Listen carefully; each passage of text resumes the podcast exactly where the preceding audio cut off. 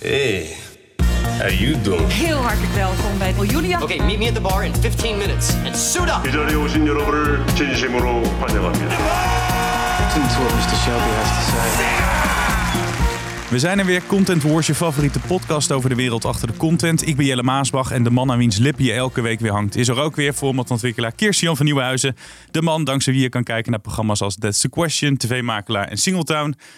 En deze aflevering gaan we het hebben over de kijkcijfers. En daarvoor is aangeschoven niemand minder dan de ongekroonde kijkcijferkoningin van Nederland... Tina Nijkamp. Goed dat je er bent. Dankjewel. Maar ik ga je wel even meer credits geven dan dat. Je bent al wel op eh, Insta een hit met je dagelijkse updates over de kijkcijfers. Maar je was jarenlang programmadirecteur bij SBS. De eerste vrouwelijke programmadirecteur van een Nederlandse tv-zender. Omroepvrouw van het jaar. En nu mediaconsultant. Ja, en dus eh, Tina in je vrije tijd bezig met het delen van kijkcijfers. En eigenlijk is dat ja, delen van kijkcijfers dus een beetje een uit de hand gelopen hobby geworden. Ja, dat klopt. Ik ben daarmee begonnen op eh, Instagram. En eh, eigenlijk als een soort hobby, omdat me dingetjes opvielen in de gidsen. Dat ik dacht, oh, wat staat het daar gek? Of... En toen heb ik daar de kijkcijfers bij gezocht. En nou ja, dat is eigenlijk nu, werd steeds groter. En ik kreeg heel veel reacties erop en heel veel volgers erbij. Dus ehm, ja, ik doe dat nu elke dag. En uh, Mediacourant, uh, de website die iedereen leest in Medialand. Zeker. Um, al jarenlang, uh, volgens mij al bijna twintig jaar zelfs. Die heeft het ook heel erg opgepakt. Dus die ging mij heel vaak citeren. En nou ja, toen kreeg ik nog meer volgers. En, meer dan 20.000? Ja, dat klopt. Ja. Ik heb wel, ja, wel veel volgers. In een, in een jaar tijd, begreep ik. Ja, ik ben een jaar uh, geleden begonnen met Instagram.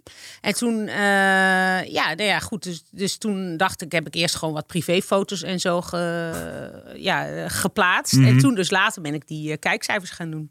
Hey, hoe, hoe is dat? Want uh, Kirstian die staat ook vaak op Mediacorant en die baalt er dan wel eens van dat hij ja, net verkeerd wordt geciteerd of dat ze net het negatieve eruit pikken. Bij jou is het volgens mij voornamelijk wel positieve aandacht, toch? Dat je op Ja, nou goed, ze citeren eigenlijk gewoon uh, wat, wat ik dan op Instagram heb gezet. En uh, ja, ik, ik heb natuurlijk niet een podcast of dat soort dingen. Dus dat, dat is dan denk ik ook wel anders. Dus het is bij mij heel feitelijk natuurlijk. Ik probeer het ook best wel feitelijk weer te geven, de mm. kijkcijfers. En het ook neutraal weer te geven. Dus ik probeer niet te veel een mening te hebben. Behalve als ik iets echt heel slecht vind, een programma. Of iets heel goed. Dan kan ik het niet laten om toch een mening te geven. Maar ik probeer me daar eigenlijk verre van te houden. Omdat ik wel neutraal wil blijven. Omdat het me echt wel om die kijkcijfers gaat. En waarom iets scoort en waarom iets niet scoort. Waarom vind je het zo leuk om dat te delen? Nou, ik heb er altijd al een fascinatie voor gehad. Want als programmaleider slash directeur... Uh, waren die kijkcijfers natuurlijk uh, leading. Daar, daar, stond je mee op. Uh, en als je naar bed ging, dacht je... oeh, ik hoop dat morgen de kijkcijfers goed zijn. Dat, en dat gaat elke dag door. Hè. Dat heeft ook nooit weekend, dat heeft nooit vakantie. Dus ik was daar toen al heel erg mee bezig. En uh, op de kantoor, uh, we hadden toen een heel klein team. Kijk, nu werken er bij zenders heel veel mensen. Nou, bij de NPO nog veel meer mensen. Maar wij deden die zender eigenlijk met z'n drieën. Dus uh, wij zaten dan met z'n drieën te kijken. Oh, kan het nou dat dit niet goed heeft gescoord? Of uh, waarom heeft dit toen zo goed gescoord? En wij waren daar heel minutieus mee bezig op detailniveau. Dus bijvoorbeeld ook bij Sterrendansen op het IJs hebben we echt uitgezocht. Wat is precies de, wat is de juiste minuut om te beginnen? Met, met het programma uh, wanneer moet de reclamebreken? En want we stonden toen tegenover RTL 4 met een soort gelijk programma. En toen hebben we echt gekeken van wanneer moeten wij die reclamebreak starten. En uh, zodat we hun voor zijn. En dat, zo ging dat echt op detailniveau. En ook met andere programma's was het zo dat we echt keken wanneer op welke dag programmeren we wat. Wat programmeer je tegenover voetbal. Uh, dus, dus het heeft altijd al mijn interesse gehad, workwise. En daarna, nadat ik ben gestopt, ben ik het ook eigenlijk elke dag uh, blijven volgen. Omdat ik, ja, ik vind het gewoon een hobby. is gewoon leuk. Heb jij een, uh, ik weet dat er in Amerika zijn er opleidingen voor, hè? Of althans worden een soort masterclasses gegeven in programmeren. Heb je daar ooit uh, iets mee gedaan of ben je daar ooit naartoe gegaan? Nee, nee, nee. Ik heb nooit een opleiding voor. Uh, nee, wij deden dat echt met z'n drieën. En we hadden wel een eigen kijkcijferanalist, Gert Jan. Ja. En uh, die werkt overigens volgens mij nog steeds bij Talpa. En die hielp ons daarmee. Die kon dus echt maar uitdraaien maken, weet je wel, van wat waren bijvoorbeeld als we als er weer een trouwformat werd aangeboden, dan waar ik altijd nooit zo van hield, dacht ik, nou, ik wil toch wel even kijken of het toch wel heeft, goed heeft gescoord. Dus dan ging hij eh, een uitdraai maken, bijvoorbeeld wat Love Letters ooit heeft gescoord bij de Trolls, eh, andere formats. Dus hij hielp ons heel erg en hij maakte ook goede analyses. En hij eh, adviseerde ons ook op basis van cijfers waar we wat moesten neerzetten volgens hem. En vervolgens maakten wij dan een plan, namen die adviezen mee en dan legden we dat voor aan, weer aan onze directeur. Erik van Stade. En dan eh, stond het in het schema. Mis je dat af en toe nog, dat leidinggeven? Dit lijkt me nu ook wel lekker, dat je gewoon, je kan nu echt je mening geven. Eh, maar mis je het af en toe nog? Nee, ik mis het leidinggeven niet. Ik mis wel het team met wie ik het toen deed.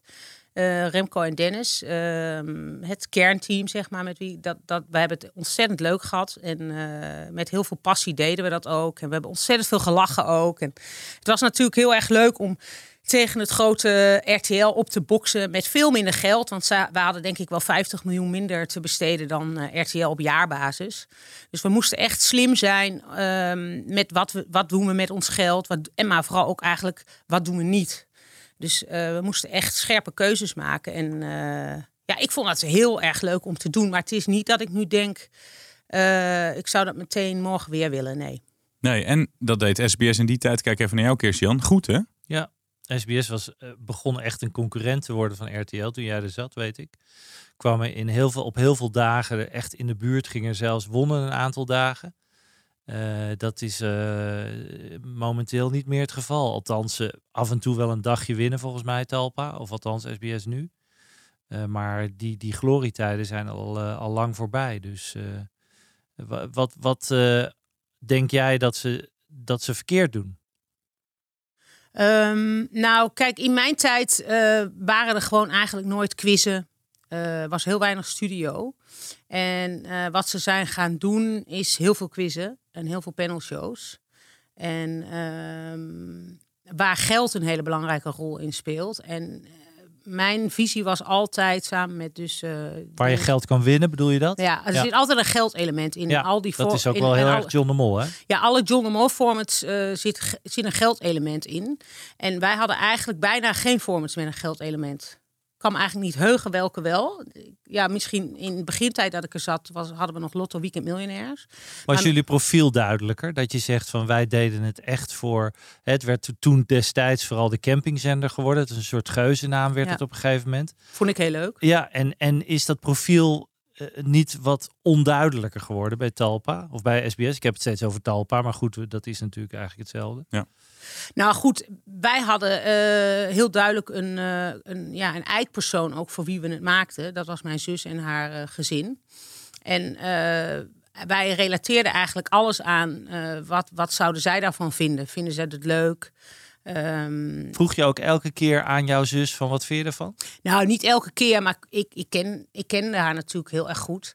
Eh, en haar man en haar, eh, en haar kind. Dus, dus en ik kwam daar heel veel. Dus ja, je weet dan ook wel een beetje wat, wat zij leuk eh, vonden. En ehm, ja, dus, dus dat was wel heel belangrijk, ja. En ik denk dat ze nu... Wij hadden bijvoorbeeld ook nul vormers van John de Mol in het schema. Nul. Geen één. En eh, ja, omdat die formats dus heel vaak studio en quizzen... en ook eigenlijk best wel duur waren ook om aan te kopen... En ja, John houdt heel erg van quizzen en studiovloershows. Dus ja, dat, daar eh, zit er nu in. En dat, is nou niet echt bepaald eh, het sterkste. Nee, is geen succes gebleken. Nee, al die studioshows zijn eh, bijna eh, allemaal niet eh, succesvol gebleken. nee. Zouden ze eigenlijk terug moeten naar die oude tijd? Naar die, naar die geuzennaam de Nou, campingzender? Nou, ik vind van wel. Ik ze hadden daar nooit afscheid van moeten nemen. En ik vind ook jammer dat ze bijvoorbeeld het logo blauw hebben gemaakt, wat een kille kleur is, in plaats van rood. En wij hadden heel mooi die beelden over Nederland. Dat vond ik echt, als ik daar aan denk, krijg ik weer kippenvel. Zo prachtig vond ik dat. Vond ik echt heel mooi. En ik vind het jammer dat ze daar afscheid van hebben genomen, waardoor het nu het is nu heel grafisch, dus het is wel wat killer geworden. Ik probeerde heel erg die warmte naar die zender eh, over te, brengen, omdat ik ervan overtuigd ben dat televisie je beste vriend is. Eh, en televisie is nog steeds mijn beste vriend omdat het eh, ja, je door hele moeilijke tijden heen kan slepen. Ook als je blij bent, kan het heel erg verbinden als gezin. Hè. Is je, zijn je kinderen eindelijk een keer van die iPhone af bij de Masked Singer bijvoorbeeld. Of bij Wie is de Mol. Dus ik vind het heel verbindend. Ik vind het heel veel toevoegen aan je leven. En ik vind het heel troostend. En ik vind dus die emotie wat televisie overbrengt, dat mis ik nu wel heel erg bijvoorbeeld in de vormgeving bij SBS 6. En dat mis ik ook in programma's waar geld een rol speelt. Want zoals we allemaal weten, gaat het natuurlijk in het leven gaat het niet om geld. Het gaat natuurlijk om dromen hebben en om liefde hebben. En om liefde geven en liefde ontvangen. Dus dat, dat vond ik heel belangrijk om in, eh, in die zender te stoppen. En eh, dat gevoel en dat gezinsgevoel. En eh, nou ja, goed. Het, het- kijk, Jonge Mol, het is zijn zender. Dus hij moet ook doen wat hij ermee wil. Dat vind ik wel hoor. Hij heeft het gekocht, hij heeft dat geld. En hij heeft ook ooit bij de Wereld Draait Door gezegd... eh, ik wil die kijken niet. Die Tina wilde, die wil ik helemaal niet. Dat, dat vond ik ook Oh wel. ja, heeft hij dat gezegd? Ja, en dat vond ik ook wel dat ik dacht, ja, dat kan natuurlijk ook. Ja, als hij die kijker niet wil, dan wil hij die kijker niet. Ja, hij- het is van hem, dus hij moet het ook zelf weten hoe hij dat invult. Wa- natuurlijk. waarom, wa- waarom denk je dat hij dat zei? Eh, Vond hij ze niet kapitaalkrachtig genoeg, niet interessant Mm. voor de adverteerder? Wat, wat zou zijn reden zijn daarvoor? Nou, hij- ik heb het idee dat hij het eh, wat chiquer wilde maken. Oké. Dat gevoel heb ik. Dat is niet helemaal gelukt. dan, denk Nee, ik. maar ik denk wel dat dat erachter zit, omdat bijvoorbeeld bij Hart van Nederland eh, het eerste wat hij deed was de studio veranderen. Ja. Kijk, bij ons was het gewoon eigenlijk eh, voor hetzelfde geld hadden ze in een wandje eh, achter eh, voor een wandje gestaan. En, en hij heeft toen die studio helemaal eh, ja, ja, heel duur opgeknapt, zeg maar. En heel, heel eh, hip gemaakt en trendy. En alle pre- oudere presentatrices eruit. En Piet Paulusma ging eruit. Piet Paulusma. Ja, en hij, heeft, hij heeft nu van de Hart van Nederland lieder is ook een groot stedelijke lieder met Ja. wolkenkrabbers. Ja, ik, ik, ik had daar een heel ander beeld bij. Maar het lijkt me ook best wel, nou ja, confronteerd is een groot woord. Eh, eh, want je bent er zelf weggegaan, maar dat op een gegeven moment iemand zegt van ik wil niet die kijkers van Tina. Eh, hij past gelijk een van de best bekeken nieuwsprogramma's. Die past die aan. De Weerman gaat eruit. Studio, de leader, het logo. Eh, best wel veel veranderingen. Ik kan me ook voorstellen dat je denkt, nou, vind ik toch best wel balen. Want in jouw tijd ging het, wat Kirsten Jan zegt, goed.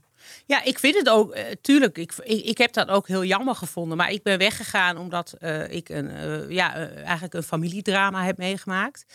Omdat mijn ouders en mijn zus vlak na elkaar zijn overleden. Dus ik was wel op dat moment met, met iets heel anders bezig in mijn leven. En, Tuurlijk, en dat is ook veel, veel belangrijk. Ja, dus dat, dat, het heeft me heel veel jaren gekost, gekost om daar eigenlijk overheen te komen. Eh, dus ik vind het wel jammer. Maar goed, eh, eh, mijn leven heeft ook een andere afslag genomen. Ja. Nee, en, en, en, en sorry, ja, dat, dat is natuurlijk het familie is het allerbelangrijkste. En het verwerken van, van zo'n groot leed, dat staat er natuurlijk op één. En dan alles wat ik nu zeg is natuurlijk maar bijzaak. Ehm, want als je het eerste niet weet, dan zou je kunnen zeggen: God, wat gebeurt er allemaal met mijn zender? Maar ik kan me voorstellen dat je eerst op je familie richt. Ja, en, en ik vind het wel jammer, maar ik vind het eigenlijk vooral ook eh, eh, jammer voor de kijker. Ik vind namelijk dat er heel weinig programma's, eh, of niet heel weinig, maar de- er kunnen meer programma's zijn waarbij je dus eh, een droom eh uit ziet komen. eh, ja, wat meer warmte of zo. Dat, dat mis ik wel een beetje. Ja. Ja. Denk je dat het ooit nog terug gaat komen? Een beetje dat, dat familiegevoel ook. Want RTL had, heeft dat natuurlijk nog steeds. Nou, je zou van- kunnen zeggen dat RTL misschien wel meer familie geworden is, meer richting het oude SBS-gevoel is gegaan. Ja. Maar zeker met Peter van der Vorst, waar die kiest voor meer factual programma's en meer inderdaad gaat over problematiek van bepaalde groepen. Ehm, eh, en dat, eh, ja, dat legt hem geen windeieren, want RTL doet het eigenlijk nog steeds best heel goed. Ja, RTL doet het ontzettend goed. Eh, ook vergeleken met toen eigenlijk is het verschil heel erg groot geworden tussen SBS en RTL. En RTL doet het ook ten opzichte van NPO 1. Ja, dat weet ik nu natuurlijk allemaal. Ja, omdat jij al die cijfers doorzitten. Ja. Maar het doet het echt heel erg goed. Dus zeker eh, zij qua zijn, jongen, qua jongere Ja, in die, in kijkers. die jongere, zeg maar, die commercieel belangrijke doelgroep eh, zijn zij echt by far eh, het grootst. Dus echt heel, echt, echt heel, heel erg groot. En ik, ik vind het dan ook, ja, ik vind dat dan dus heel leuk. Dat vind ik dus ook heel leuk aan die kijkcijfers. Dan zie ik dus wat zo'n boulevard scoort, wat zo'n half acht nieuws scoort. Nou, en dan denk ik, dan ga ik me helemaal voorstellen als je daar dan werkt. Hoe leuk dat is. Dat je dan weer ziet dat je 34% marktaandeel hebt. Ja, ik, ik, ik, ja dat is toch fantastisch. Als Ja, ze zo- zijn heel blij. Ik volg mijn oude collega Daphne Lammers, eh, nieuwslezer bij RTL Nieuws. En die, die deelt dan ook stories van jou van... hé, hey, we hebben enorm veel Ja. marktaandeel of eh kijkcijferdichtheid. Die zijn heel trots op. Ja, nou, terecht. Ik snap dat ook zo goed. Het is zo ontzettend leuk eh, dat je dan zo zo'n programma maakt voor, waar zoveel mensen blij van worden. Ik denk dat jouw stories ook al als, als worden uitgeprint en op een taart worden gedrukt, denk je niet? Nou, het is eh, dat waarschijnlijk wel op een slagroomtaart natuurlijk. Nou, in ieder geval wel van de Maas Singer. Ja. Ja, ja, nee, maar eh, ik, ik, ik heb wel begrepen dat heel veel mensen zeggen, nu, of die DM'en mij dan ook, van ja, eh, ik, eh, ik ben blij dat jij er bent, want dan hoef ik nu kijkonderzoek niet meer eh, zelf Door te spitten, Ja, precies. Dus Dus, ja, ik- en, en, nou ja, dus dat vind ik wel leuk om te horen. En, en als eerste gaan ze dan ook kijken naar mijn stories. Vind ik toch wel leuk. Ja. Maar ik, moet het ook, ik doe het ook elke dag dan, om tien over acht, half negen. Dus ook in de vakanties. Oh Je hebt, ja? je hebt geen vrij meer, dus Nee. Ik heb nooit meer vrij. Nee. Nee. Nee, Dus ik had zelfs in de zomervakantie heb ik het ook een uur heb ik mijn wekker ook gezet. Oh, Een uurtje vroeger. Eh, dat ik En een uurtje dat ik, dat ik wel nog om acht uur dat kon doen. Dat ik dan zelf zou ik dat ook zo belangrijk vinden dat het dan wel elke dag op dezelfde tijd komt. Jij kan dan niet even zeggen, ik zit nu op de camping ergens eh, op Bakkum, en nu even niet? Nee, ik vind het dan zelf toch, eh, denk ik, nee. Ik vind dat toch, ja, kleine moeite. Kijk, ik sta sowieso altijd heel vroeg op, want ik ga ook altijd om half tien al naar bed. Dus eh, ik ben altijd wel om half zeven wakker. Maar eh, ja. Vind ik wel mooi dat je dan eh, gewoon doorgaat. ja, ik vind het ook leuk. Dus ik, ik, ja, ik vind het ook echt leuk om te doen. Het is echt wel een hobby. Hey, over ho- hobby gesproken, dat is dit eh, ook voor, voor Kirsten Jan. En jullie kennen elkaar ook nog, hè?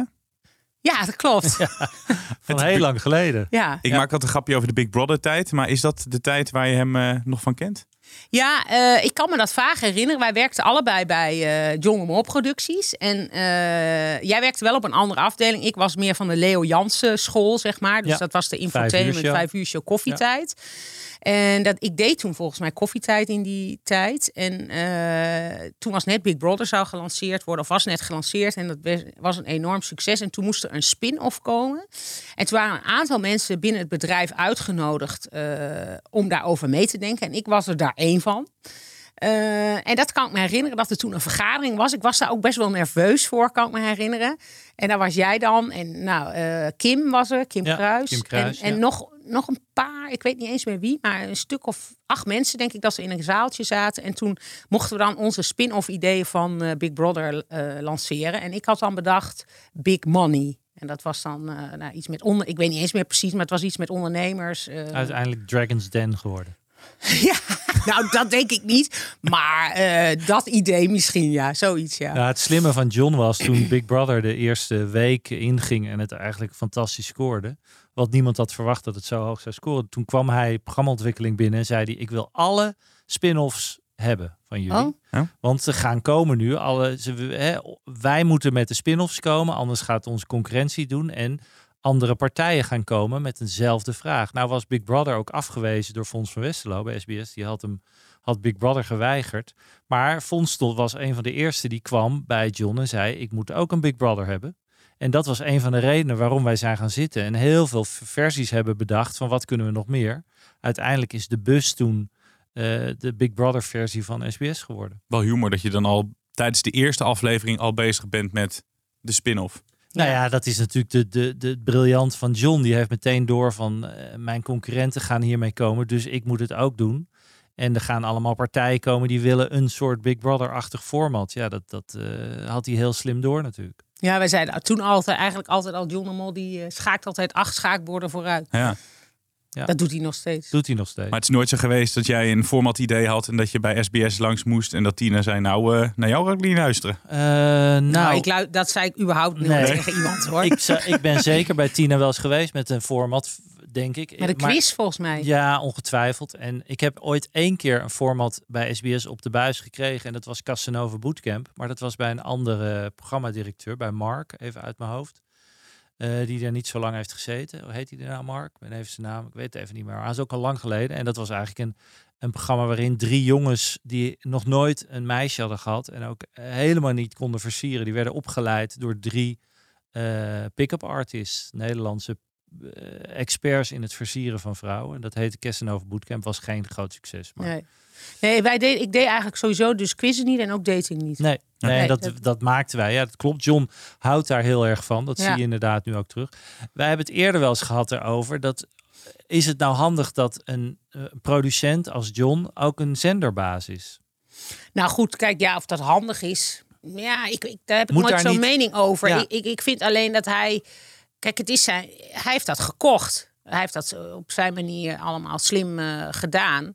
en ja, dan moet hij dus weten wat hij daarmee doet. Maar moet daar niet iemand zitten die zegt, eh, de een producent komt met zijn idee en er moet iemand anders zi- zitten die zegt, ik vind het eigenlijk niet zo goed of eh, ga nog maar eens terug naar de tekentafel of Ja, maar dat, dat wilde hij juist voorkomen, want in die situatie Ja. zat hij. Ja. Dus hij kreeg bij ons, bij SBS 6, eh, dus in de tijd dat ik er zat, heeft hij dus nooit een programma, eh, eh, had hij dus nooit een format verkocht. En eh, bij RTL was hij aandeelhouder en daar ging het eh, wel goed ook. En ik moet eerlijk zeggen, was- daar had hij ook ja. veel meer succes. Ja. Dus zijn, en misschien passen zijn formats ook veel beter bij RTL. En dat is wel spannend, want nu komt de floor dus. Ja. Eh, en misschien wordt dat wel weer een succes. Want het valt mij dus heel erg op. Ik heb daar dus ook een soort eh, nou ja, Wikipedia-onderzoekje naar gedaan. Maar zijn formats op RTL zijn eigenlijk... nou ja, ik hou van Holland, The Voice, Het Perfecte Plaatje. Er zijn eigenlijk best heel veel hits bij. En bij SBS 6 ja, is het gewoon... eh, blijkt het allemaal eh, ja, net niet te vallen. Dus, dus misschien is, is dat ook wel. Dat zijn formats beter bij dat... eh, Nou ja, maar ik denk dat het belangrijk was bij SBS6 dat daar Erland eerst zat. Die natuurlijk ook best wel heel kritisch was. En nu ook weer Peter van der Vorst, die ook niet alles neemt van John. Ja. Dus daar moet eigenlijk iemand anders zitten die zegt van het is nog niet goed genoeg. Of, of we willen toch net iets anders. Maar goed, dat is mijn. eh mijn Jawel, maar mijn kijk, hij heeft het juist, heeft hij natuurlijk SBS gekocht om dat niet meer te hebben. Want Dat hij vond dat ik, natuurlijk ja. vervelend. Ja. Ja. het is natuurlijk ook niet leuk Ja. als je. eh, Maar uiteindelijk werkt het dus niet. Dat is dat. Nee, dat klopt. Het Ja. werkt helemaal. Nee, Nee. dat is duidelijk. Zijn formats werken niet goed genoeg op SBS 6. Nee, we gaan zo meteen verder over eh, alle andere programma's. Eerst even altijd naar de persoon die deze week in de hoofdrol staat. Ja, Ja. en dat kan er maar één zijn. In de hoofdrol. En dat is Matthijs van Nieuwkerk. Ja. Wat dacht jij toen je dat artikel eh, in de Volkskrant las, eh, Tine? Ja, ik was wel heel erg geschokt. Ik had natuurlijk net als iedereen wel gehoord dat het aan zat te komen en dat daar ook wel schokkende dingen in zouden staan. Dus in die zin was het niet van eh, dat dat nieuw was. Mhm. Maar ja, ik ben er zelf ook wel eens te gast geweest bij de Wereld Draait Door. En ik heb daar natuurlijk zelf nooit wat van gemerkt. Nee. En ik zie Matthijs ook eh, elk jaar op het uh, Omroep Vrouw Man diner. Dat is elk jaar. En dan komen alle omroepvrouwen, mannen en vrouwen bij elkaar. eh, als de nieuwe omroep man-vrouw wordt gekozen. Ehm, en ja, ja, ik heb dat eh, heel, ja, ik vind het gewoon een hele aardige man eigenlijk. Ja, Dus- maar dat dus zegt iedereen ook. Hè? Van ik heb daar aangeschoven, ik, ik, ik was daar eh, te gast en ik merkte er niks van. Maar als je die verhalen leest dat iemand zegt van dat hij op zijn knieën moest en men- meneer van Nieuwkerk tegen hem zeggen. Sorry meneer van Nieuwkerk. Ja, dat zijn wel echt bizarre... Ja, ja, vond ik ook bizar. Echt bizar. En ik vond ook vooral de aantallen eh, vond ik eh, heel schokkend. Hè? Dat ze zoveel mensen Ja. hadden gesproken en zoveel mensen dat hadden meegemaakt. Dat vond ik heel erg schokkend. En ik vond ook eigenlijk wel net zo schokkend eh, dat de BNN-VARA dus met alle signalen die er blijkbaar waren geweest toch niks heeft gedaan. En het toch een beetje zo van ja, maar het programma is zo belangrijk. En dat vond ik ook heel schokkend Ja. om te horen. En ja, ik- dat, dat verbaasde me ook. Dat ik dacht, ja, als dat. Ik bedoel, het is ook niet een, een programma wat een jaar heeft bestaan. Of drie seizoenen van zijn geweest. Maar het was natuurlijk en dagelijks en 15 jaar. Dus, dus het heeft echt.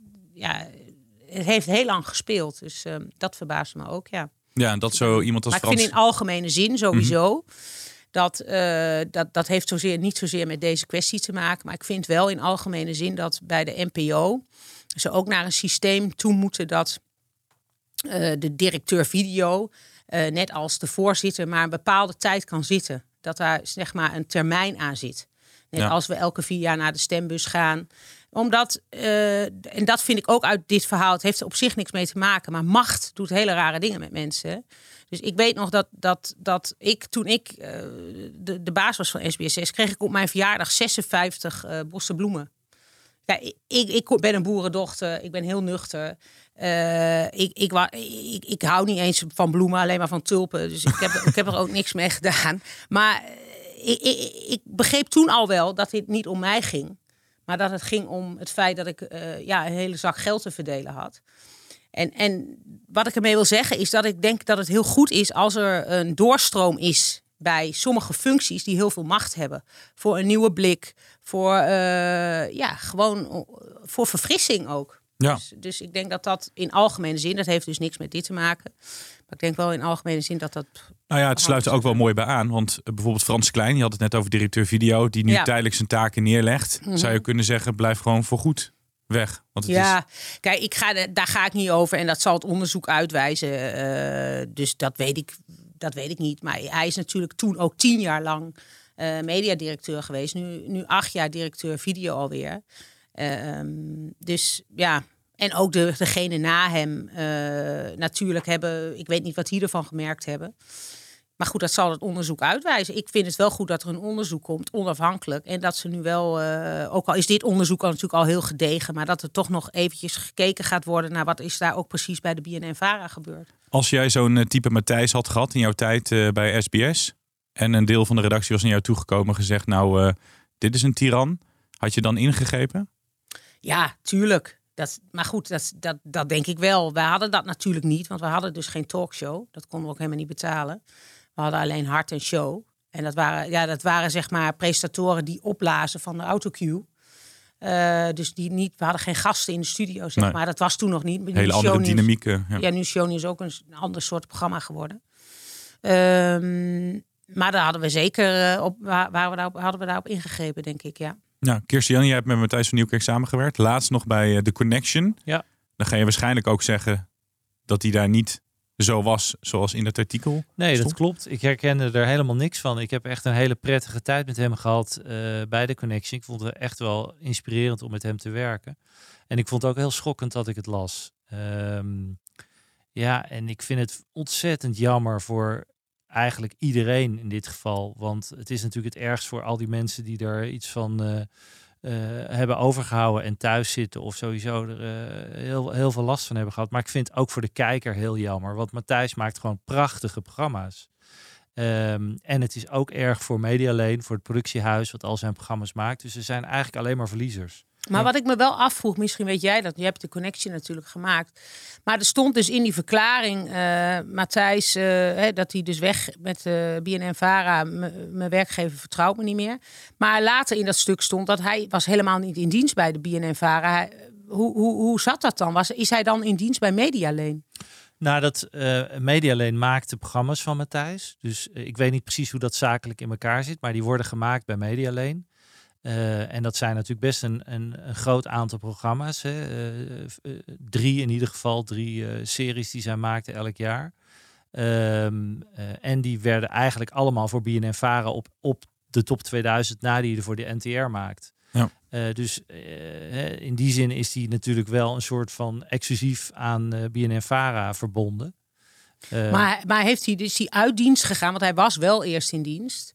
Bij, ten tijde van de Wereld Door was hij volgens mij gewoon Ik dienst. Dat was toen nog allemaal gedoe over dat salaris. Maar is dit dan om dat salaris eh, volgens hoger te krijgen? Nou ja, de, de- ik, die deal, dat weet ik niet precies hoe dat zit. Ik weet dat hij nog een, dat heb ik ook gelezen, dat hij een contract had tot en met 2023 bij BNN. Ja, een, een opdracht-overeenkomstcontract stond in dat artikel bij de Volkskrant. Maar hij was niet eh, formeel in eh, dienst. Nee. Nee, want het enige wat hij zei, hij zei het feit dat mijn werkgever openlijk twijfelt aan mijn oprechtheid maakt een verdere samenwerking onmogelijk.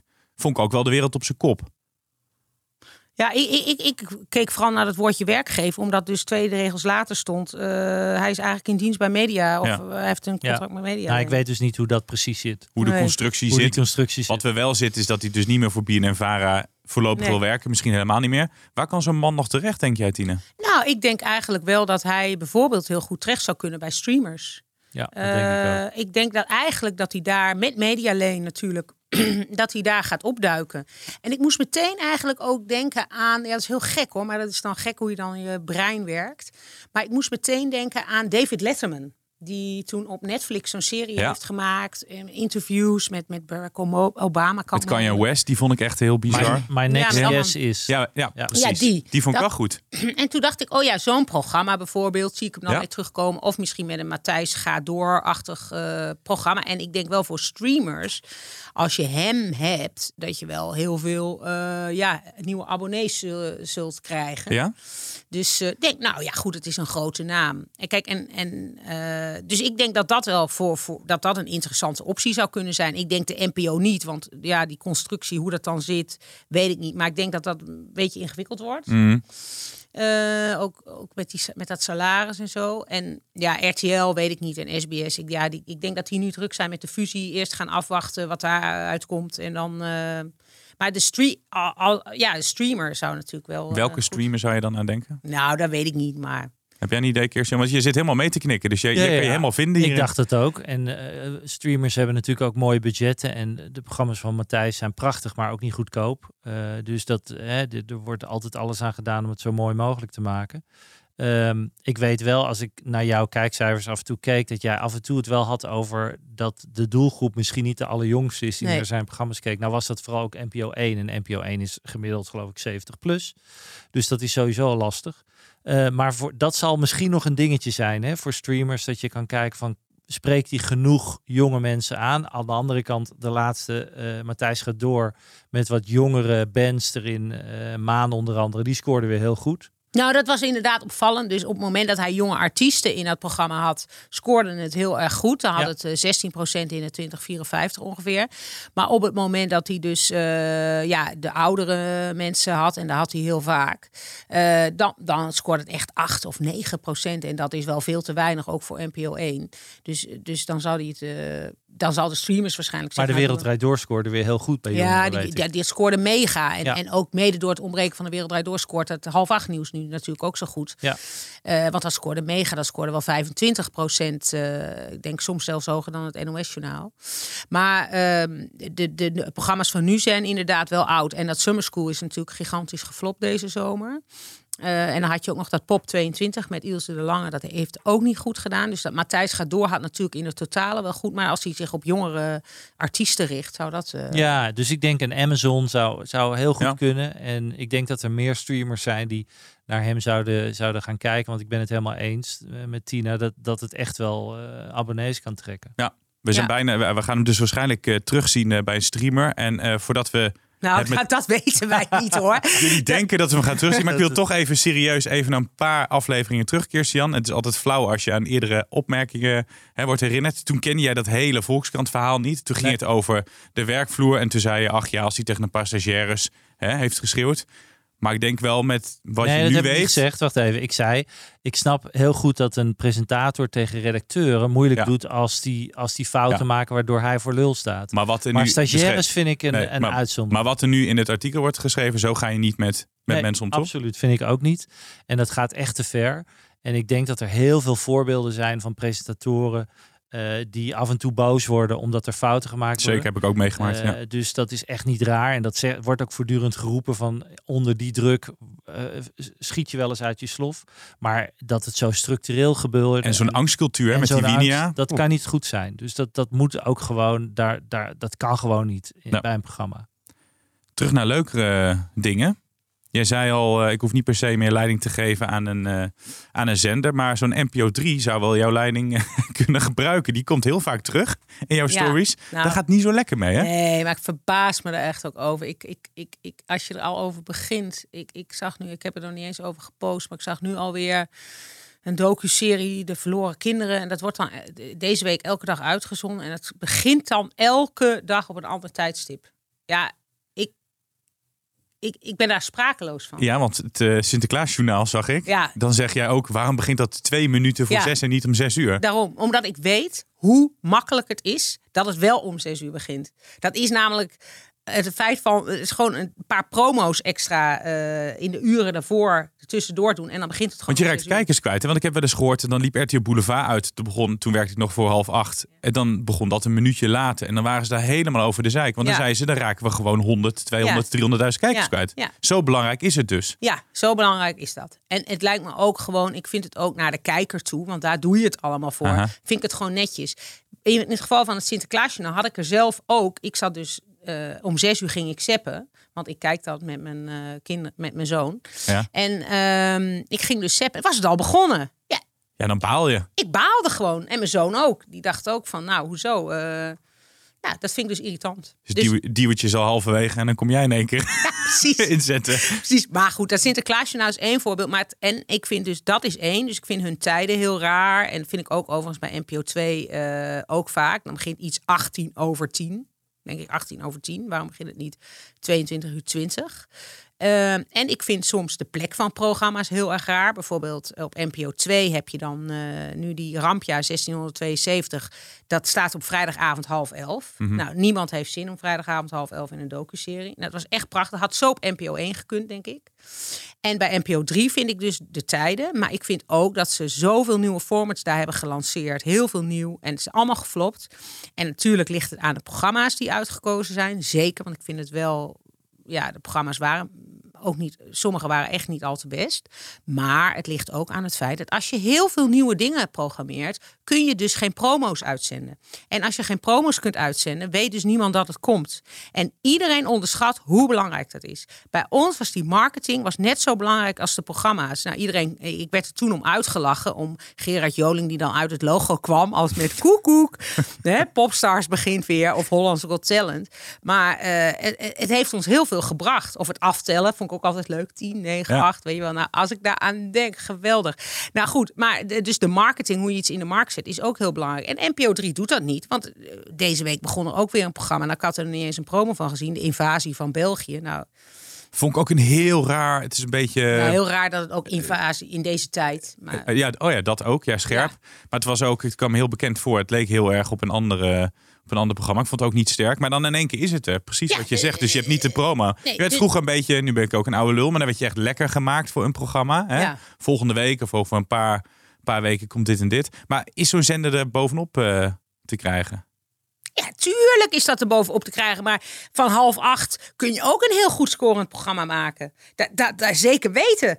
Dat, tuurlijk is dat mogelijk. Absoluut, absoluut. Dat heb je binnen drie weken zou dat goed kunnen scoren. Maar dan moet je er wel gewoon met dedication en eh, goed over nadenken. Zeker bij NPO 3, hoe je dat in de markt zet. En dan moet je niet tien nieuwe programma's in een seizoen gaan doen, maar bijvoorbeeld drie zodat je ook voor drie programma's pro- promos kunt uitzenden. En de rest moet je met grote merken eromheen bouwen. Want zo'n Hunted. En dan zeggen ze ja, maar de jongeren kijken geen tv meer. Nou, dat is nonsens.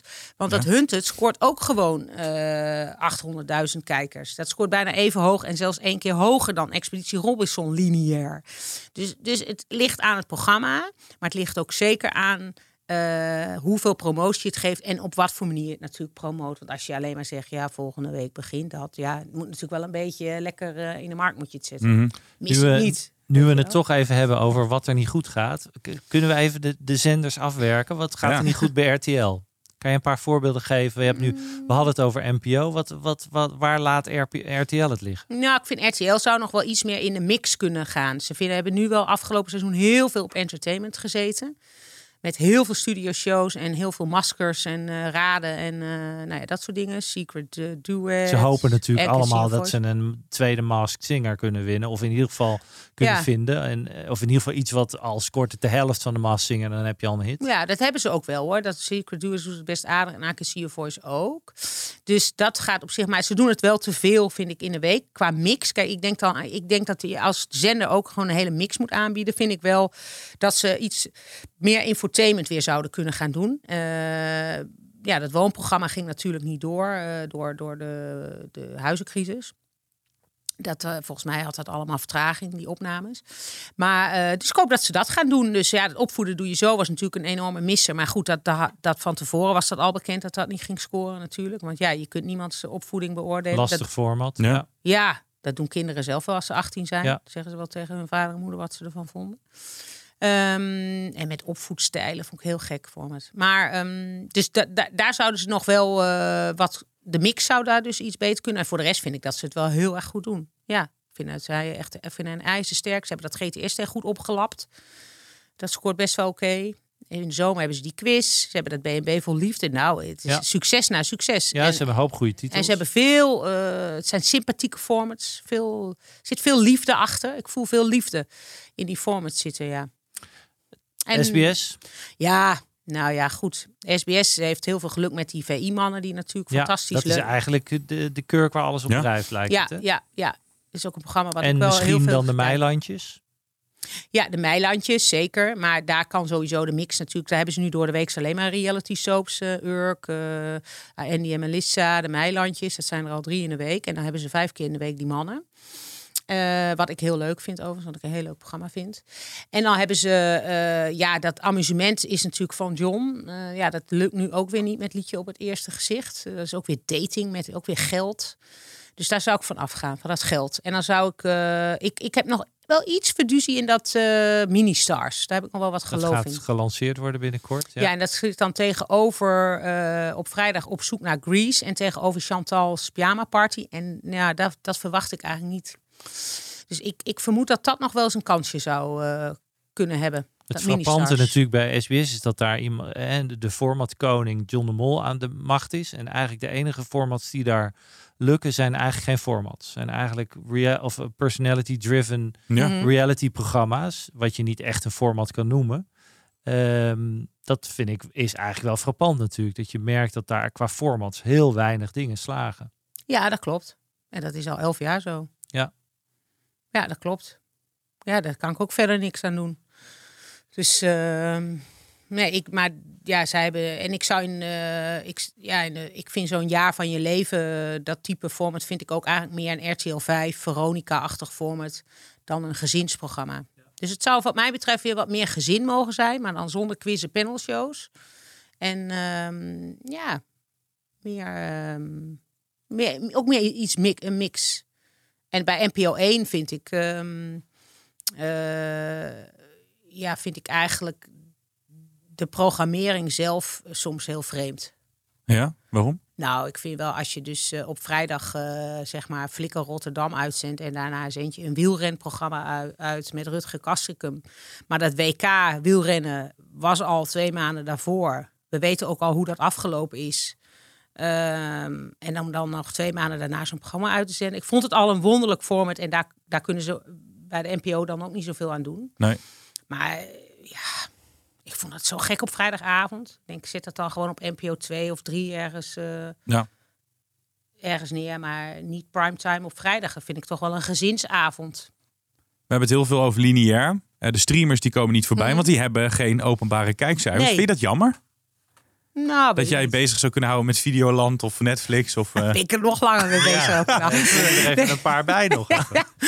Ehm, eh, ja, jammer. Tuurlijk is dat jammer. Ik vind het wel jammer omdat ze zich ook heel vaak achter verschuilen. Ja, maar eh, online eh, wordt het wel heel goed bekeken. Op NPO Start, eh, net als die serie Dertigers. Nee, dat is echt een hele grote hit. uitgesteld kijken natuurlijk, roepen ze dan. Ja, maar goed, dat kun je dan nog terugzien. Maar ze zeggen dan ook vaak, ja, maar op Videoland wordt het wel, of op NPO Ja. Start eh, wordt het wel heel goed bekeken. Want dat Bijvoorbeeld, een hele dure dramaserie, had Ja. maar honderdduizend kijkers. Dan denk ik, nou, hoezo wordt dat nog weer opnieuw bijbesteld? En dan wordt het altijd, ja, maar online wordt dat goed bekeken. Ik denk, nou, Nou, wij- hij valt dat wel mee. wij klagen altijd over NPO Start.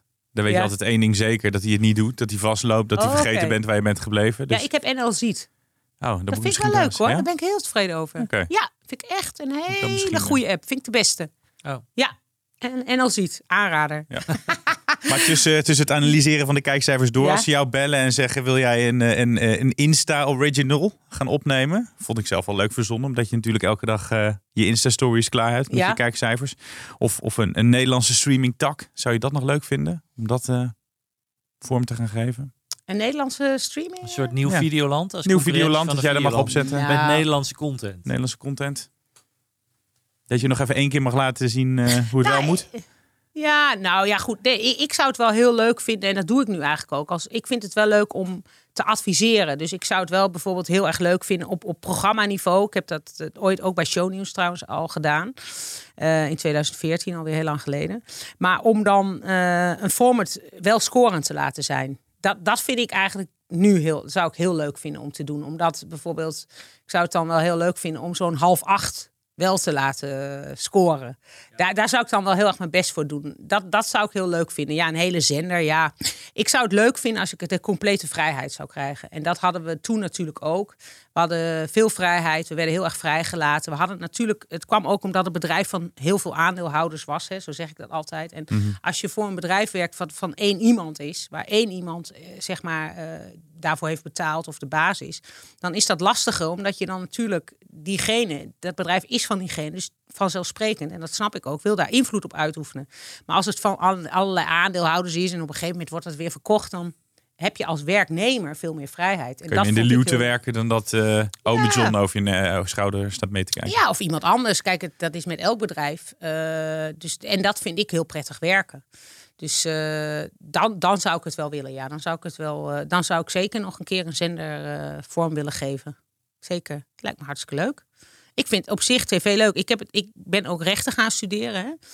Ook las ik, ja. eh, Ja. ja, dus ik wil eigenlijk. eh, mijn bachelorscriptie ging ook over onrechtmatige publicaties. Dus het was wel gelinkt aan eh, media. Ehm, en misschien dat ik ook wel die kant nog een keer op wil. Dat ik bijvoorbeeld advocatuur nog een keer inga. Dat zou kunnen. Maar ik moet eerlijk zeggen, wat dat Instagram ook heeft gedaan, is toch weer. Nog weer die. die no, ik had altijd al liefde voor tv, dat heb ik ook altijd gehouden. Maar nu ik er zoveel, weet je wel, echt in detail ook weer naar kijk. eh, nog meer dan anders. eh, heeft dat ook wel weer eh, dat ik denk: oh ja, het is echt heel leuk om hiermee bezig te zijn. Nou, mooi. Ik heb nog een luisters, eh, luisteraarsvraag Oh, doe maar. van eh, Jeffrey Broeders, een eh, vriend van de show. Kunnen jullie uitleggen hoe het zo is gekomen dat seizoenen steeds korter worden en waarom producenten dat doen? En dan haalt hij Vrouwenvleugel aan. RTL Crime zendt dat nog steeds uit. Had toen 22 afleveringen van 45 minuten. Hij zegt dat zie je tegenwoordig niet Ja, meer. bij Daarom is het drama, heel, ja, is het heel kort. Scripted bedoelt hij. Omdat Ja. nu de meeste scripted eigenlijk maar zes of acht afleveringen zijn. En vroeger was dat veel langer. Had je wel 13 weken of 22. Ik moet denken aan The Killing, dat toen het eerste seizoen 20 afleveringen had. En dat ik dacht, pff, waarom heb ik dat toen Ja. nog zitten kijken? Maar het is in Amerika heel gewoon. Hè? Daar bestaat elk seizoen uit 22 afleveringen, elke dramaserie. Mhm. En ik denk dat dat daar toen de tijd van af is gekeken. Dat ze dachten, we doen 22 eh, afleveringen. Waarom het er maar acht zijn, eh, of 13. Ehm, ik weet dat Celblok H had er volgens mij 13. En Dr. Tien is 8, kan ik me herinneren. Ja. Maar dat heeft allemaal met geld te maken. Kijk, een dramaserie is ontzettend duur om te maken. Dat kost zo'n 250.000 euro per aflevering. Eh, dus aan acht afleveringen ben je al eh 2 miljoen kwijt. Dus eh, ja, dat is gewoon heel veel geld. Dus ja, en die 2 miljoen, ja, als je bedenkt dat een wegmisbruikers eh nou, eh 35.000 euro kosten. Nou, dan kun je nagaan hoeveel. Dus het heeft allemaal met geld te maken. En de publieke omroepen doen soms volgens mij wel langere series. Want volgens mij is dat Flikken Maastricht bestaat wel uit iets meer afleveringen, dacht ik toch? Ja. Ja, maar het is in het begin altijd risicospreiding. Dus ze, ze beginnen nooit een nieuwe serie met eh, 13 afleveringen. Ook omdat als het niet scoort, zitten ze de 13 Ja. afleveringen aan vast. Ik heb ook wel eens begrepen dat het te maken heeft met eh, de, eh, dat je in blokken van drie maanden vaak programmeert. Dus dat het in kwartalen wordt geprogrammeerd. Dus dat je het eh, acht afleveringen is vaak ongeveer eh, twee maanden. eh, dus dan kan je er nog een en 13 is dan drie maanden. Dus ze durven niet snel 22 een, een half jaar lang te programmeren. Nee, ik denk dat het ta- vooral daarmee te maken heeft met die deur. van want eh, bijvoorbeeld The Voice eh, en ook Popstars, eh, waar wij toen overigens toen de tijd nog heel veel commentaar op kre- kregen, maar dat is later heel normaal geworden. Dat, dat, die hadden ook seizoenen van 22 eh, en en The Voice ook 20 volgens mij. 20 weken. Dus kijk, als- maar ja goed, dat is natuurlijk ook pas gebeurd toen ze wisten dit is een hit. En dan ga je dat uitmelken, hè, zoals dat heet. Maar eh, Ja. De, als wij nu dingen aanbieden, dan eh, met, met eh, veel geluk eh, kiezen ze er zes. En dan als je, dat is dan de eerste serie. En als je dan een beetje geluk hebt, gaat het misschien naar acht in de volgende serie. Maar inderdaad, vooral ja, toch omdat het zulke hoge kosten zijn. All about the money. Nou, dankjewel eh Jeffrey Broeders. Zou het hier werken? Ja, daar is ze weer. Lisette van Diepen met eh, de parels, de mooie formats eh, uit het eh, buitenland. We hebben de afgelopen weken echt leuke dingen gekregen. Vorige week was Kirstian helemaal dol enthousiast. En ik ook trouwens. Over dat format uit Finland. Ja, wij liepen hier juichend door de studio. Ja. Dus we zijn heel benieuwd wat je nu weer hebt gevonden. Ja, ik ben, ik ben bang dat het vandaag wellicht heel anders zou kunnen zijn, eh, heren. Oh, nou, we zijn benieuwd. Eh, ik heb meegenomen eh, iets uit Engeland en Amerika. Mhm. Eh, want vlak voor de feestdagen, met name kerst, eh, daar natuurlijk, eh, komt Amazon Freebie eh, met Play-Doh Squished. Want na knikkeren en treintjes bouwen en ballonnen maken, gaan we nu met z'n allen kleien met Play-Doh. En in dit format zien we drie teams van volwassenen vechten om officieel de grote Play-Doh kampioen te worden. Eh, Sarah Hyland eh, is de presentatrice. Zij is de actrice Haley uit Modern Family, dus dat is op zich leuk. Er zitten een heleboel celebrities in. Eh, de eerste serie lanceerde op 12 november, vlak na een, of nadat ze een jaar geleden een, een pilot daarvan hebben gemaakt. En wat, wat heel slim gedaan is, is dat de kijkers thuis mee kunnen doen. En ik geloof zelfs ook nog iets kunnen winnen. Maar dan moeten ze wel even van tevoren, ook via Amazon natuurlijk, de speciale doos met de opdrachten en de Play-Doh klei kopen die erbij hoort. Dus ik roep hier Play-Doh squished. gelijk even merchandise verkopen. Ik moet gelijk denken, Christian, aan die aflevering die wij hebben gemaakt over infantiele formats. Ja. Ja, daar lijkt het op natuurlijk. Dat is de zoveelste. Absoluut.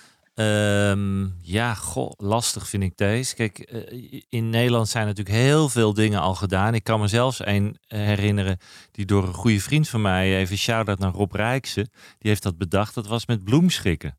Op Talpa, was maar één seizoen geloof ik. Eh, maar was het kampioenschap of eigenlijk een soort wedstrijd wie kan het beste bloemschikken. Ook weer met BN'ers. Eh, of nou, ik weet niet of het met BN'ers was. Anyway, dit, ja, dit, het, het, ik vraag me af hè, of er nog ruimte is voor dit soort formats. Aan de andere kant Mhm. zijn ze heel erg op zoek naar, naar vrijdag- en zaterdagavondshows. Ehm, en dat zie je ook weer de Big Show natuurlijk, wat, eh, wat best wel succesvol is. Wat heel anders is, maar wat ook echt family entertainment is.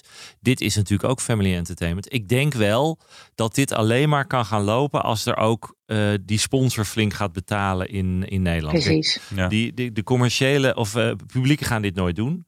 Eh, dus dit moet bij een commerciële. Nou ja, Talpa eh, zit denk ik best wel hoog voor een go- goede zaterdagavondshow. Dus als daar Play-Doh in Nederland ook even flink wil gaan schokken, dan, dan acht ik de kans relatief groot dat Talpa dat wel aan zal durven. Ehm, eh, die hebben mindere programma's gehad op, eh, op vrijdag en zaterdagavond. Dus dat zou best wel kunnen. Daarnaast ligt het natuurlijk heel erg aan wat voor celebrities je ook in Nederland hebt. Want als dat het B-garnituur wordt. Kijk, in Amerika geloof ik dat ze leuk genoeg celebrities hebben, waardoor het redelijk hilarisch wordt. Ehm, en zeker die presentatrice is natuurlijk heel grappig. Ehm, maar Ja. in Nederland, ja, als we weer Dries Roelvink gaan krijgen die gaan kleien, dan weet ik niet of dat het gaat worden. Dus ik twijfel, maar. ehm, Nee, maar ik, ik kan me, eh, we moeten erom lachen, maar met de Lego Masters dacht ik van tevoren ook, dat wordt hem niet. En dat werd het eerste seizoen werd het echt een, een, een hit. Zelfs de, die, die treintjeshow van André van Duin trekt qua, kijkcijfers aan. Ja. Dus ja. het zou zomaar kunnen eh, werken. Zie jij het werken, Lisette? Ja, ik vind deze ook heel lastig. Hè? Dus eh, mijn eerste gevoel was, nou, dat eh, gaan we serieus kijken naar volwassenen met kinderklei. Ja. Maar, maar inderdaad, het is wel voor het hele gezin. Het wordt natuurlijk uitgezonden in de donkere dagen voor kerst. In Amerika en Engeland dan. Dus ik denk dat dat daar best wel goed zou kunnen scoren. Zeker omdat ze inderdaad het, het juiste talent erbij gekoppeld hebben. Ehm, dus dan zijn die cijfers goed. En dan ben je verplicht als aankoper om dat heel serieus te nemen als je het nu al niet doet. Dus ik denk dat dit een verrassing zou kunnen zijn. Ja, en wat natuurlijk helpt is als er iets begint in Amerika en Engeland, dan is dat al meteen een, eh, een stempel Ja. voor heel veel internationale verkoop. Ehm, maar ja, het Ik- wordt, dit, wordt wel, dit is wel een twijfeltje hoor, dit. Ik heb wel een hele belangrijke vraag aan jou, Christian. ja, vertel. Stel, je zit met dat Play-Doh klei voor de tv. Wat zou jij gaan kleien? Ja, nou ja, ze krijgen Oké, natuurlijk deze opdrachten. vraag ga ik niet beantwoorden. dat je het krijgen- alvast weet. Het ligt eraan wel, welk moment van de dag ik ben. Binnen de nacht is dat waarschijnlijk heel, iets heel anders dan, eh, dan overdag. Eh, ja, nou, dat zijn, kijk, dat zijn wel de vragen waardoor je meteen denkt van eh, misschien moeten we maar eens gaan kijken naar Ja, en, ik, zie, leuk. ik zie nu ook wel dat mensen de meest gekke koppen of nou ja, eh, andere figuren gaan kleien en Ja. dat weer op Twitter zetten. Ja. Er zit toch misschien wel wat in. Dit is, eh, ja, dit is, dit is een spannende. Nou, leuk. Ik, ik Dankjewel, hou jullie op de hoogte als dit gaat reizen. Ja, Ja, wij zijn heel benieuwd. We zijn heel blij met jou. Lisette van Diepen met het format van Uit het Buitenland. Ja, dit was hem alweer bijna, maar voordat we helemaal afzwaaien, altijd onze tip. En ik wil heel graag eh, aftrappen, want die van mij staat weer op Netflix. Maar dat heeft een reden, want Wednesday is gisteren op woensdag, of eergisteren moet ik zeggen, ehm, is die eh, erop gekomen. En dat gaat over Wednesday eh, Adams. En het is een spin-off van de Adams Family. Dus dat kennen we al tientallen jaren. Ehm, maar dit gaat over een, eh, een meisje dat helemaal losgeslagen is. Ehm, een beetje donker, donker comedy is het. En naar een of andere kostschool moet. Gespeeld door Jenna Ortega. En ik vond ze grappig, want ik keek vroeger naar de Adams Family. Vond ik het heel suf. En dit is een beetje, een beetje donker, dus is ook af en toe luguber. Dus dan gooit ze piranha's in een zwembad bij jongens die er aan het zwemmen zijn en haar broertje hebben gepest. En nou ja, ik zal verder niet heel veel verklappen. Of dat ze mensen heel erg eh, af en toe een beetje martelt. Maar het is heel grappig dat ze zo'n heel oud instituut als de Adams Family weer eh, ze ge- ja, hebben omgeturnd tot serie voor Netflix. Tim Ja. Burton die het, eh, die het heeft gemaakt. Oh ja. Ja. ja. nee, ik ga niet kijken. Nee, Ben je, Nee, ben je nee, ik vind het vreselijk dat soort series. alles wat een beetje spannend en horror is? is Vind je niks dat voor Nee, de Adams Family heb ik nooit leuk gevonden. Oké. Nee, nou, ik is dus, eh, ik dus ook niet. Dus ik dacht, ik ga het kijken. Het was vroeger heel humoristisch met die Ja. hand die zo liep. Ja, ja, Ja, eh, maar het is meer een mannending Thing. volgens mij. Nou ja, nou, Nou, de- bij jongeren is Ja? horror, maar ja, heel veel meisjes kijken Ja? ook zit, naar horror, er zit ook comedy in, maar af en toe is het ook een beetje donker. Eh, maar wat zij, eh, want ik heb expres die eerste aflevering gekeken. En doen ze helemaal op het einde, this season. En dan gaan ze dus de hoogtepunten van het seizoen, wat ze vroeger deden. Dus dat je echt die serie in wordt getrokken. Toen dacht ik, nou oké, dan ga ik de tweede ga ik ook wel kijken. Nou ja, het leuke is Dat de ik verwachting. Ik vind het ook een leuke tip. En eh, ik ga zeker kijken, want ik hou er erg van. Maar de verwachting is bij heel veel streamers dat ze steeds meer eh, formats gaan, of formats, steeds meer drama gaan programmeren die gebaseerd is op bekende brands. Dus eh, op Marvel, dat zie je nu al. Hè, Hij wordt allemaal helemaal de spin-offs van The Walking Ja. Dead. eh, Ja. Puur doorgaan op brands. Ook weer vanwege dat risico. En eh, dus daar gaan we helemaal, daar worden we helemaal gek mee gemaakt. Kan ook een risico jaren. worden, maar ik dacht, oh ja, Adams Family vond ik vroeger een beetje, een beetje suf. Maar dit is wel goed gedaan. Catherine Zeta-Jones als de moeder en die speelt echt fantastisch weer. Ja. En ja, deze actrice, die, die Jenna Ortega, die is wel echt gewoon fantastisch. Die zit hem goed neer. Leuke tip. Ehm, mijn tip is van de NPO 3. En dat is een van mijn favoriete programma's al, al veel langer. En dat is als je van film houdt. eh, en dat is eh, volgens mij ook heel veel luisteraars die naar onze eh, podcast luisteren, houden van film en scripted. Dan vind ik dat je naar de kijk van Koolhoven moet kijken. Ehm, Martin Koolhoven, een van de beste regisseurs van Nederland. Hè, onder andere eh, ehm, Oorlogswinter. eh, Br- ja, Oorlogswinter en, en eh, Brimstone. eh, hele goede western die hij gemaakt heeft. Die maakt elke week een programma over film en over een thema binnen de film. En dat doet hij zo aanstekelijk. Eh, en ook heel mooi gemaakt. Elke keer andere leader. Elke keer allerlei hele leuke effectjes. eh, waarbij die midden in de scène staat. Wat best wel lastig is. Dat lijkt heel makkelijk. Maar het is best moeilijk om dat te doen. En hij vertelt ontzettend gepassioneerd over al die verschillende filmfragmenten. En die mooi, de mooiste films. Dus als je een beetje van film houdt. En je houdt van, van series ook. eh, dan moet je echt naar de kijk eh, van Koolhoven kijken. Er staan er volgens mij al drie online. Er komen er nog een paar aan. Maar eh, heerlijke televisie. Mooi. Heb jij een serie die je op dit moment aan het kijken bent, Tine? Eh, ik heb eh, The Crown eh, gekeken, maar ik moet heel eerlijk zeggen, ik heb er een beetje doorgespoeld. Ik vond hem minder. De laatste Ja. seizoen heb je het dan over? Of Ja. de hele Ja, seizoen? ik vond hem ook minder. Laatste seizoen. Ja, Laatste ik, seizoen. ik ben zelf heel erg Engels Koningshuis-fan. Ja, jij was ooit volgens mij een Koningshuis-expert op een gegeven Ook, moment. ja, ben ik, Ben ik ook nog ingehuurd? steeds hoor. Ben ik nog steeds. Toen werd jij, zat jij bij Shownieuws volgens mij als Harry- koning. nee, niet bij Shownieuws, bij, eh bij Boulevard? RTL. Bij Boulevard. Nee, niet bij Boulevard. Niet.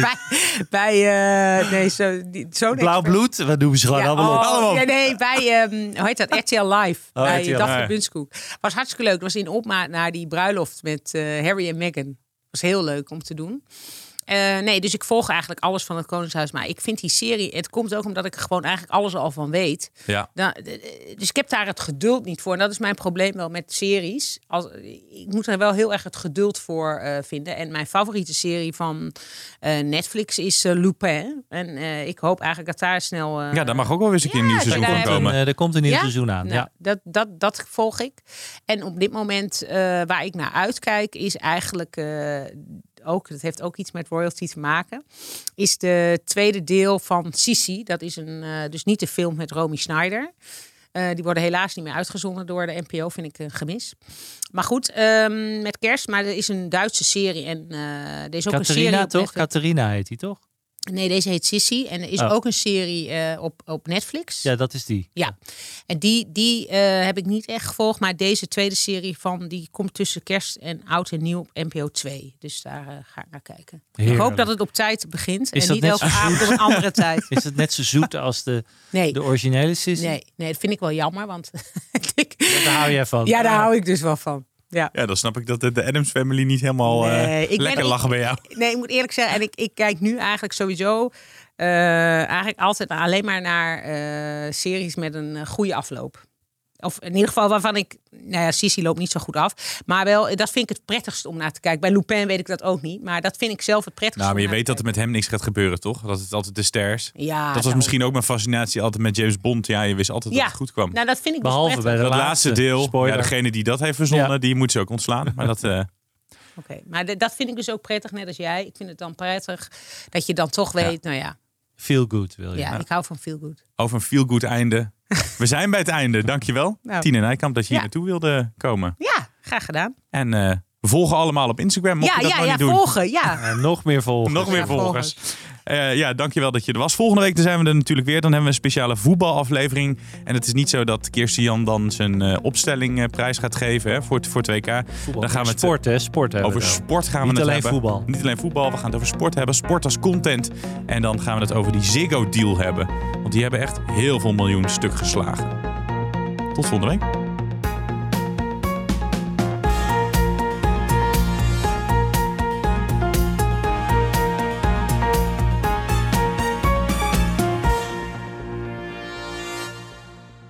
Ben jij content met deze content? Vergeet je dan niet te abonneren op Content Wars.